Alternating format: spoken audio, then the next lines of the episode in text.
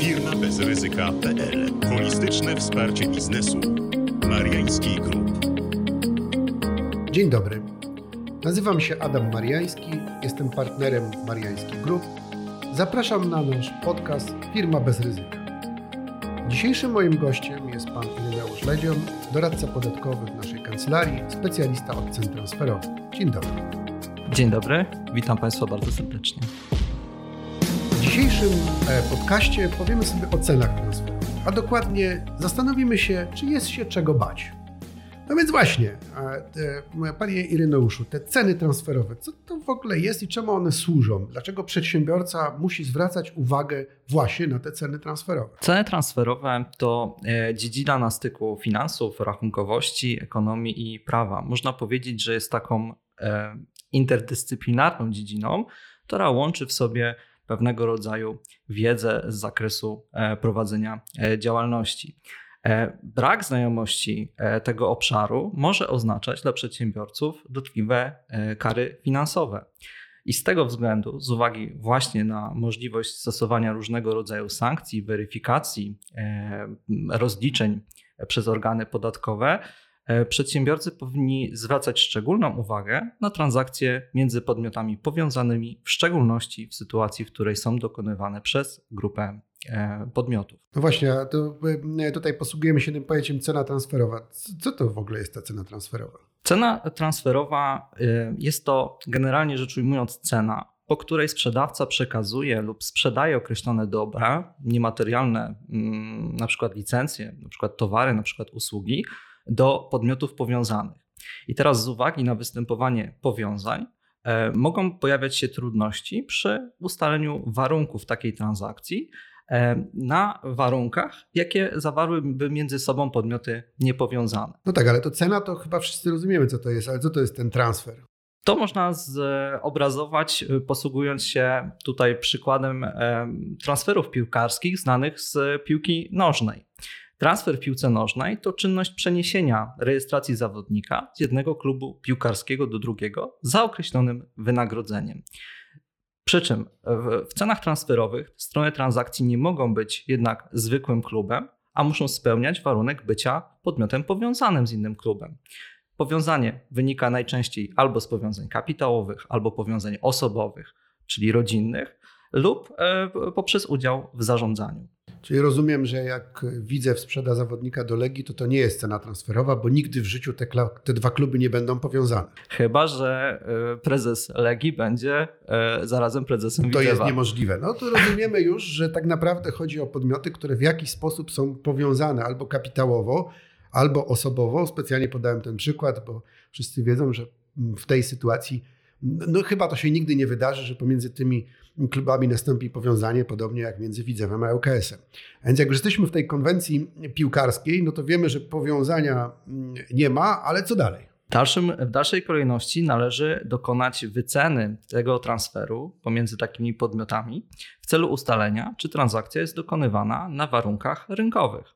Odnosząc się do tego wspomnianego przykładu, obie strony transakcji byłyby obowiązane sporządzić analizę danych porównawczych, mm, analizę zgodności benchmark w celu wykazania, że cena zastosowana pomiędzy tymi dwoma e, klubami przy uwzględnieniu warunków powiązań jest ceną rynkową. I w historii piłki nożnej znajdziemy bardzo bogaty materiał porównawczy, Przykładowo 10 najdroższych transferów piłkarskich w historii należałoby wydać na niego 1,3 miliarda euro. Najdroższym transferem piłkarskim w historii było odstąpienie Neymara e, z klubu FC Barcelona do Paris Saint-Germain za kwotę 220 milionów euro. No tylko na marginesie powiem, że spotkałem Neymara w klubie w Barcelonie tydzień przed tym transferem. I mój przyjaciel z mieszkanie z Barcelony namawiał mnie, żeby od niego jakiś autograf wziąć. Ja powiedziałem, a po co? A potem tydzień później się okazało, że to najdroższy transfer w historii. Ale tak tylko na marginesie. W takiej sytuacji należałoby sporządzić e, porównanie cen stosowanych pomiędzy klubami w celu ustalenia tego rynkowego przedziału, e, biorąc pod uwagę takie czynniki jak rozpoznawalność i markę oraz skuteczność e, danego piłkarza. No jak rozumiem, tutaj e, Neymar był bardzo rozpoznawalnym, jest bardzo rozpoznawalnym zawodnikiem, w związku z tym ta cena była w sposób bardzo uzasadniony ustalona na takim wysokim przedziale. No tak, ale tutaj oczywiście to, co trzeba podkreślić, pomiędzy tymi klubami musiałoby istnieć powiązanie albo kapitałowe, albo osobowe. One tutaj nie istniało, w związku z tym nie było podstaw do ustalania właśnie, czy ta cena transferu jest ceną rynkową. To rynek, niezależne podmioty ustaliły, że właśnie jest rynkowa, bo jedni chcieli kupić, drudzy niekoniecznie chcieli sprzedać zawodnika, jak to się mówi, no ale cena była tak wysoka, że musieli sprzedać, bo już kontrakt im nie pozwalał na blokowanie tej mm, transakcji. Natomiast gdyby taka sytuacja wystąpiła między podmiotami powiązanymi, mógłby być problem, ponieważ wcześniej nie było dokonywanych takich transakcji e, o takiej wartości, czyli nigdy nie kosztował transfer zawodnika aż 222 milionów e, euro. W związku z tym organy podatkowe by uznały, że jest to cena nierynkowa, bo się nigdy nie wydarzyła. No oczywiście następny transfer, już e, po tym e, transferze Neymara, mógłby być rynkowy, no z tego powodu, że już mamy do czynienia z powtarzalnością takich transferów. Zresztą w ostatnich latach obserwowaliśmy wiele różnych drogich transferów. No tak, ale jeżeli już wiemy, że mamy podmioty powiązane, że one między sobą dokonują jakichś transakcji, czyli właśnie też tych transferów, e, czy to wartości niematerialnych, czy wartości materialnych. To może być również towar, prawda? Bo to też e, jest objęte e, koniecznością wyceny, czy mamy do czynienia z wartością rynkową, no to trzeba się zastanowić, jakie są sankcje dla przedsiębiorców, jeżeli odpowiednio nie dokumentują oni właśnie tych transakcji w obszarze cen transferowych, a przede wszystkim nie są w stanie wykazać, czy te transakcje mają charakter rynkowy, no bo do tego to się tak naprawdę sprowadza. No, jakie to są obowiązki i sankcje? Te sankcje mogą być um, różnego rodzaju. Mogą to być sankcje karne, mogą to być sankcje e, podatkowe. Mogą to być e, w końcu sankcje nakładane o, na zasadach przepisów o odpowiedzialności podmiotów zbiorowych. Na gruncie sankcji karnych skarbowych, które są tutaj najbardziej dotkliwe, E, kara za e, zastosowanie ceny nierynkowej może sięgać nawet 29 milionów złotych na sprawcę czynu zabronionego, członka zarządu lub wspólnika firmy. Rozumiem, że w razie czego można tą karę grzywny zamienić na zastępczą karę pozbawienia wolności, jak kogoś nie stać na zapłatę tej sankcji. Nie, to był tylko dowcip, bardzo proszę dalej. E, odrębne kary przewidziano także za niedopełnianie obowiązków przez osoby zajmujące się sprawami majątkowymi, lub e, e, prowadzące działalność e, gospodarczą. Tutaj mm, takie osoby mogą być skazane na karę pozbawienia wolności do lat pięciu. Dodatkowo od strony sankcji podatkowych możliwość, organ posiada możliwość nałożenia takiej sankcji w wysokości do 30% zaniżonego zobowiązania podatkowego albo zawyżonej straty podatkowej e, takiego podatnika w roku e, podatkowym. Powyższe można jeszcze uzupełnić o kwestię odpowiedzialności podmiotów zbiorowych, gdzie w przypadku skazania podmiotu zbiorowego może zostać nałożona kara pieniężna w wysokości do 5 milionów złotych, a dodatkowo E, oprócz, e, oprócz, oprócz e, tej kary pieniężnej, możliwość także spędzenia do pięciu lat mm, w więzieniu. Tak, no widzimy zatem, że sankcje mają różny charakter, dotyczą zarówno samej firmy, która nie dopełniła tego, takich obowiązków wynikających z dokumentowaniem cen transferowych.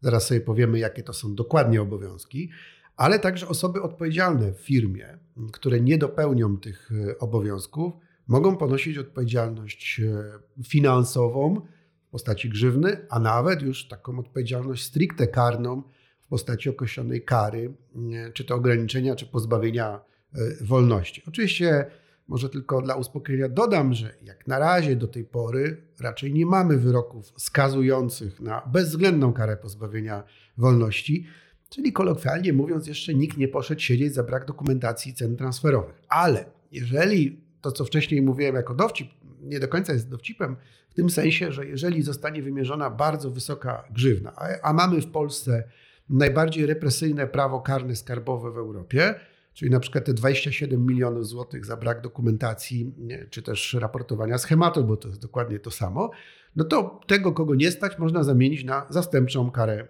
pozbawienia wolności. Czyli inaczej mówiąc, w jednym i w drugim przypadku, o którym wspomniałem, można siedzieć za lenistwo, czyli za to, że nie wykonamy obowiązków podatkowych. No właśnie, teraz te obowiązki podatkowe, czyli kiedy trzeba zrobić dokumentację cen transferowych, na kogo spoczywają e, te obowiązki. Dodam zresztą, żebyśmy też pamiętali, że nawet ci, którzy nie mają obowiązku sporządzenia dokumentacji cen transferowych lub innych zgłoszeń, o których powiemy, to tak naprawdę muszą zawsze mieć możliwość udowodnienia, że dokonali transakcji rynkowej. Czyli nawet jeżeli nie ma tych obowiązków sporządzenia, a organ przyjdzie na kontrolę i zapyta się, a skąd wy kolego towarzyszy ustaliliście tą cenę, to nie może być to cena prezesa, tylko musi być to wartość rynkowa. Więc zawsze trzeba mieć e, odpowiednią informację, wiedzę, dane, ażeby móc udowodnić, że cena, e, ta transakcja miała charakter rynkowy. Natomiast na e, innych podmiotach, na, na tych, którzy są spełnione pewne kryteria, o których powiemy, jest uprzedni obowiązek sporządzenia już dokumentacji Czyli wtedy organ nie tylko pyta, skąd wy, towarzyszu, mieliście mm, tą cenę ustaloną, tylko mi pokażcie tą dokumentację, bo o, tylko ona może wykazać, że ta transakcja miała charakter rynkowy. Jak nie macie i nie wykażecie, no to macie sankcje, o których przed chwilą mówiliśmy. Zatem zastanówmy się, kiedy tą dokumentację tworzymy. Dokumentację cen transferowych można sporządzać albo na szczeblu lokalnym, tak zwany local file, albo na poziomie grupowym, tak zwany master file.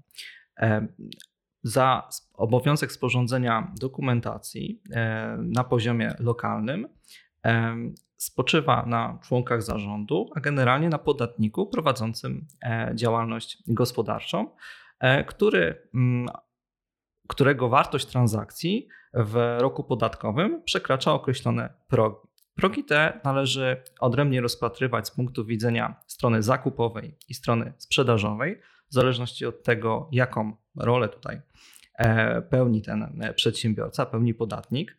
I jeżeli chodzi o progi, to są one następujące. 10 milionów złotych w przypadku e, dokonywania transakcji towarowych i finansowych i 2 miliony złotych dla transakcji usługowych i innych, innego rodzaju transakcji. Towarowych i finansowych to jakie to są?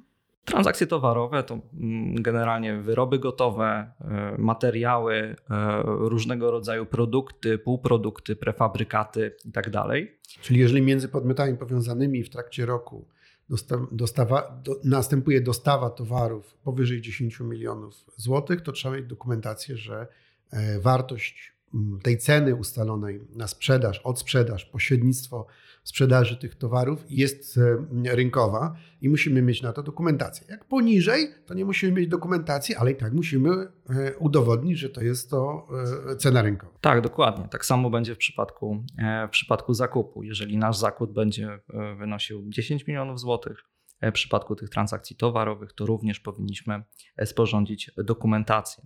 Transakcje usługowe, czyli wszelkiego rodzaju usługi niematerialne, usługi nazwijmy to na przykład pośrednictwa handlowego, usługi marketingowe, usługi zarządzania, e, doradcze e, i tego rodzaju transakcje. Tutaj ten próg jest niższy i musi e, on wynieść 2 miliony złotych. Tak samo 2 miliony stosowane jest w odniesieniu do progu dla innego rodzaju transakcji na przykład dopłaty do kapitału, na przykład, na przykład wynagrodzenia dla członków zarządu, e, wszelkiego rodzaju inne transakcje nie stanowiące transakcji towarowych e, bądź e, usługowych, bądź też transakcji finansowych, dla których tutaj z kolei przewidziany jest prog 10 milionów złotych, czyli wszelkiego rodzaju pożyczki, cashpule, transfer związany z e, poręczeniami, gwarancjami i tego typu e, usługami finansowymi.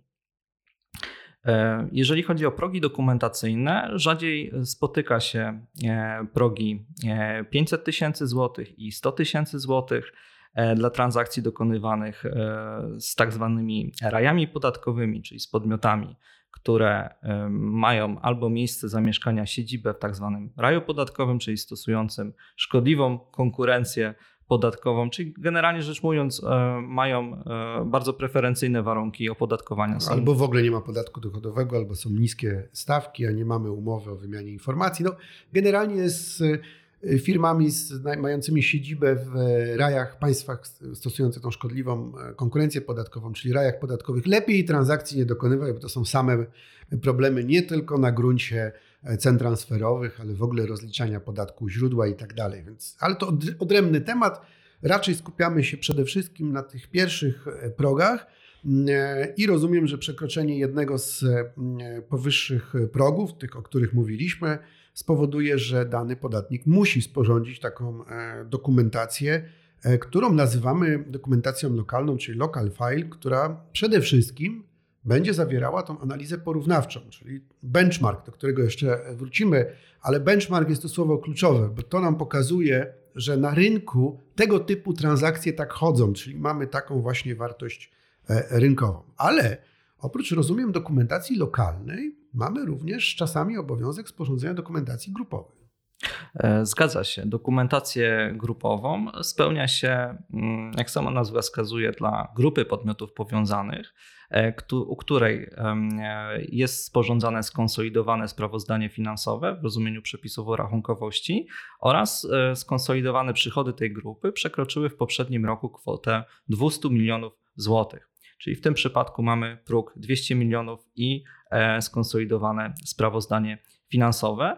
I taka dokumentacja, oprócz wspomnianych e, przez pana profesora elementów e, związanych chociażby z analizą danych porównawczych, zawiera też e, dodatkowe elementy i wymogi w postaci chociażby opisu całej grupy, opisu istotnych dla grupy transakcji finansowych, towarowych, podatkowych, wszędzie tam, gdzie spełniony jest określony poziom istotności, jak również szereg pozostałych elementów związanych e, z odpowiednim rodzajem struktury i, i załącznikami. No to wiemy już, kiedy musimy sporządzać dokumentację lokalną i grupową. Ale zapewne interesujące dla naszych słuchaczy jest również to, kiedy tej dokumentacji nie trzeba sporządzać i czy przypadkiem, nie sporządzając dokumentacji, nie trzeba wykonać innych obowiązków związanych z cenami transferowymi. Dokumentacji cen transferowych lokalnej nie sporządza się, jeżeli podatnik i jego kontrahent nie odnotował w roku, za który sporządzana jest dokumentacja straty podatkowej w określonym źródle przychodów. Co do zasady, e, za rok 2020 były dwa e, źródła przychodów, czyli transakcje na zyskach kapitałowych i transakcje e, z działalności operacyjnej. I w przypadku, jeżeli podmioty powiązane no, dokonując transakcji towarowej w ramach prowadzonej przez siebie działalności operacyjnej nie odnotowały straty, to mogły korzystać z tego wyłączenia, nie sporządzając dokumentacji cen transferowych.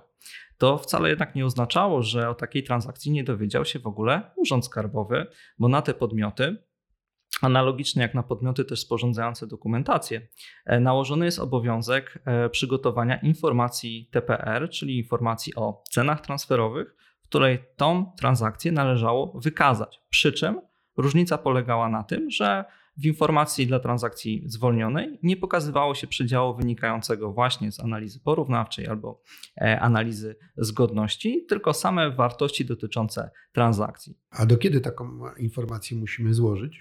Co do zasady, informacja o cenach transferowych składa się do końca mm, dziewiątego miesiąca za rok, e, w roku następnym za rok e, poprzedni. Natomiast na gruncie przepisów wynikających z tarcz antykryzysowych za rok 2020 termin ten został przedłużony co do zasady do końca 12 miesiąca, czyli do końca grudnia.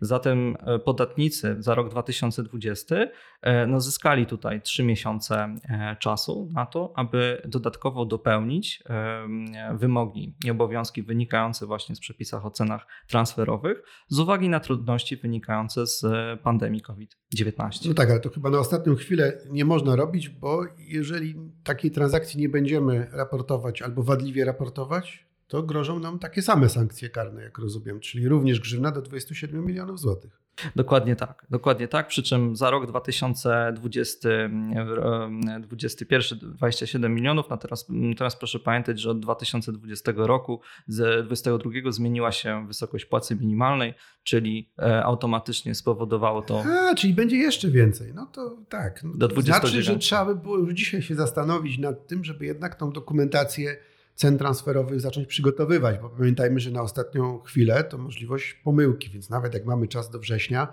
to jednak gromadzenie tych informacji niezbędnych do sporządzenia dokumentacji powinno odbywać się na bieżąco. Zwłaszcza, że w niektórych firmach mamy też obowiązek przygotowania informacji o strategii podatkowej, a jedno z drugim jest bardzo ściśle mm, związane i trzeba pracować e, równolegle. No, ostatnio e, e, hasłem czy słowem, które wszystkich interesuje, to jest Polski Ład chociaż my to nazywamy polski nieład, no ale on generalnie rzecz biorąc także wprowadza jakieś zmiany w zakresie cen transferowych. E, tak, Polski Ład przewiduje około 30 zmian w obszarze cen transferowych i myślę, że tutaj trudno byłoby omówić te wszystkie zmiany w ramach jednego podcastu. Na pewno e, ze zmian korzystnych należy wskazać wydłużenie e, terminów.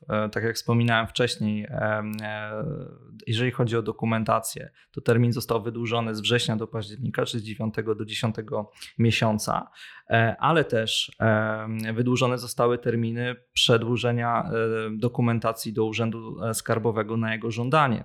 Wcześniej był termin zawity 7 dni, w tej chwili e, na gruncie przepisów po Nowym Ładzie jest to 14 dni na przedłużenie dokumentacji e, lokalnej celu uchronienia się oczywiście przed e, sankcjami karno-skarbowymi i podatkowymi. E, brak obowiązku też e, sporządzenia analizy porównawczej w odniesieniu do transakcji zawieranych przez mikro lub małych przedsiębiorców przewidziany jest w przepisach Polskiego Ładu, przy czym jest to uproszczenie w gruncie rzeczy dość pozorne, no bo tak jak pan profesor wspomniał wcześniej, zgodnie z zasadą ceny rynkowej, podmioty są obowiązane do e, ustalenia tych warunków na zasadach tak, jak robią to podmioty niepowiązane. E, a bez takiej analizy porównawczej, bez ewentualnie analizy zgodności, jeżeli benchmark nie jest wskazany, trudno jest w sposób jasny ocenić rynkowość takiej transakcji. Czyli tak naprawdę w większości sytuacji, nie chcę powiedzieć, że we wszystkich, powinniśmy taką analizę mieć, czyli ten benchmark, czyli ustalić, jakie warunki rynkowe stosują między sobą podmioty niepowiązane, e, nawet wtedy, kiedy nie mamy obowiązku sporządzenia e, dokumentacji. E, warto na to zwrócić uwagę, bo mm, Ministerstwo Finansów od wielu lat także tutaj jakby zaostrza te przepisy, to zaraz sobie o tym powiemy, ale ryzyko kontroli i ryzyko sankcji w zakresie dokumentacji, a przede wszystkim samego ustalenia wartości rynkowych transakcji między podmiotami powiązanymi coraz jest większe. E, I oczywiście o tym trzeba pamiętać, nawet w sytuacji, gdy nie mamy mm, obowiązku sporządzenia tej dokumentacji.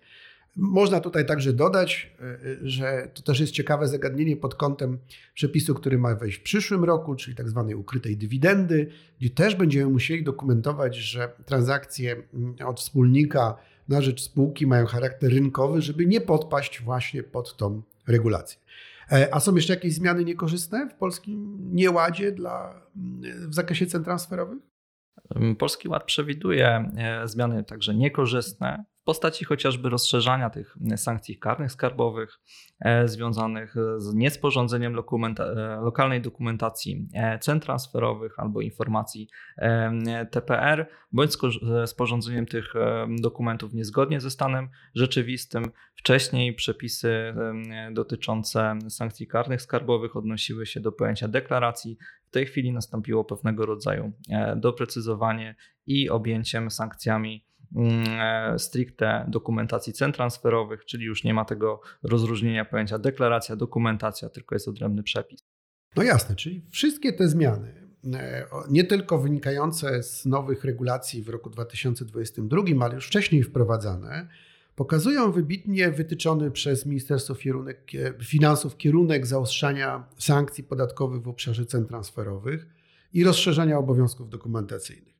Z tego względu warto już teraz zastanowić się, jak sporządzić tą dokumentację, jak ją przygotować. Nie można tutaj mm, też popełniać błędów, bo to jest jak błąd sapera. Widzieliśmy już, ile kosztuje. Dlatego też pracując nad tymi zagadnieniami zwracamy uwagę naszym klientom na czas niezbędny do przygotowania tej dokumentacji, a także wsparcie profesjonalistów, którzy mają odpowiednie doświadczenie. Oczywiście do cen transferowych będziemy jeszcze wracać w kolejnych podcastach, a dzisiaj dziękuję za nasze spotkanie doradcy podatkowemu Ireneuszowi Ledzienowi, który pracuje w naszej kancelarii w Departamencie Prawa Podatkowego, zajmując się cenami transferowymi. Dziękuję bardzo. Dziękujemy bardzo. Do usłyszenia.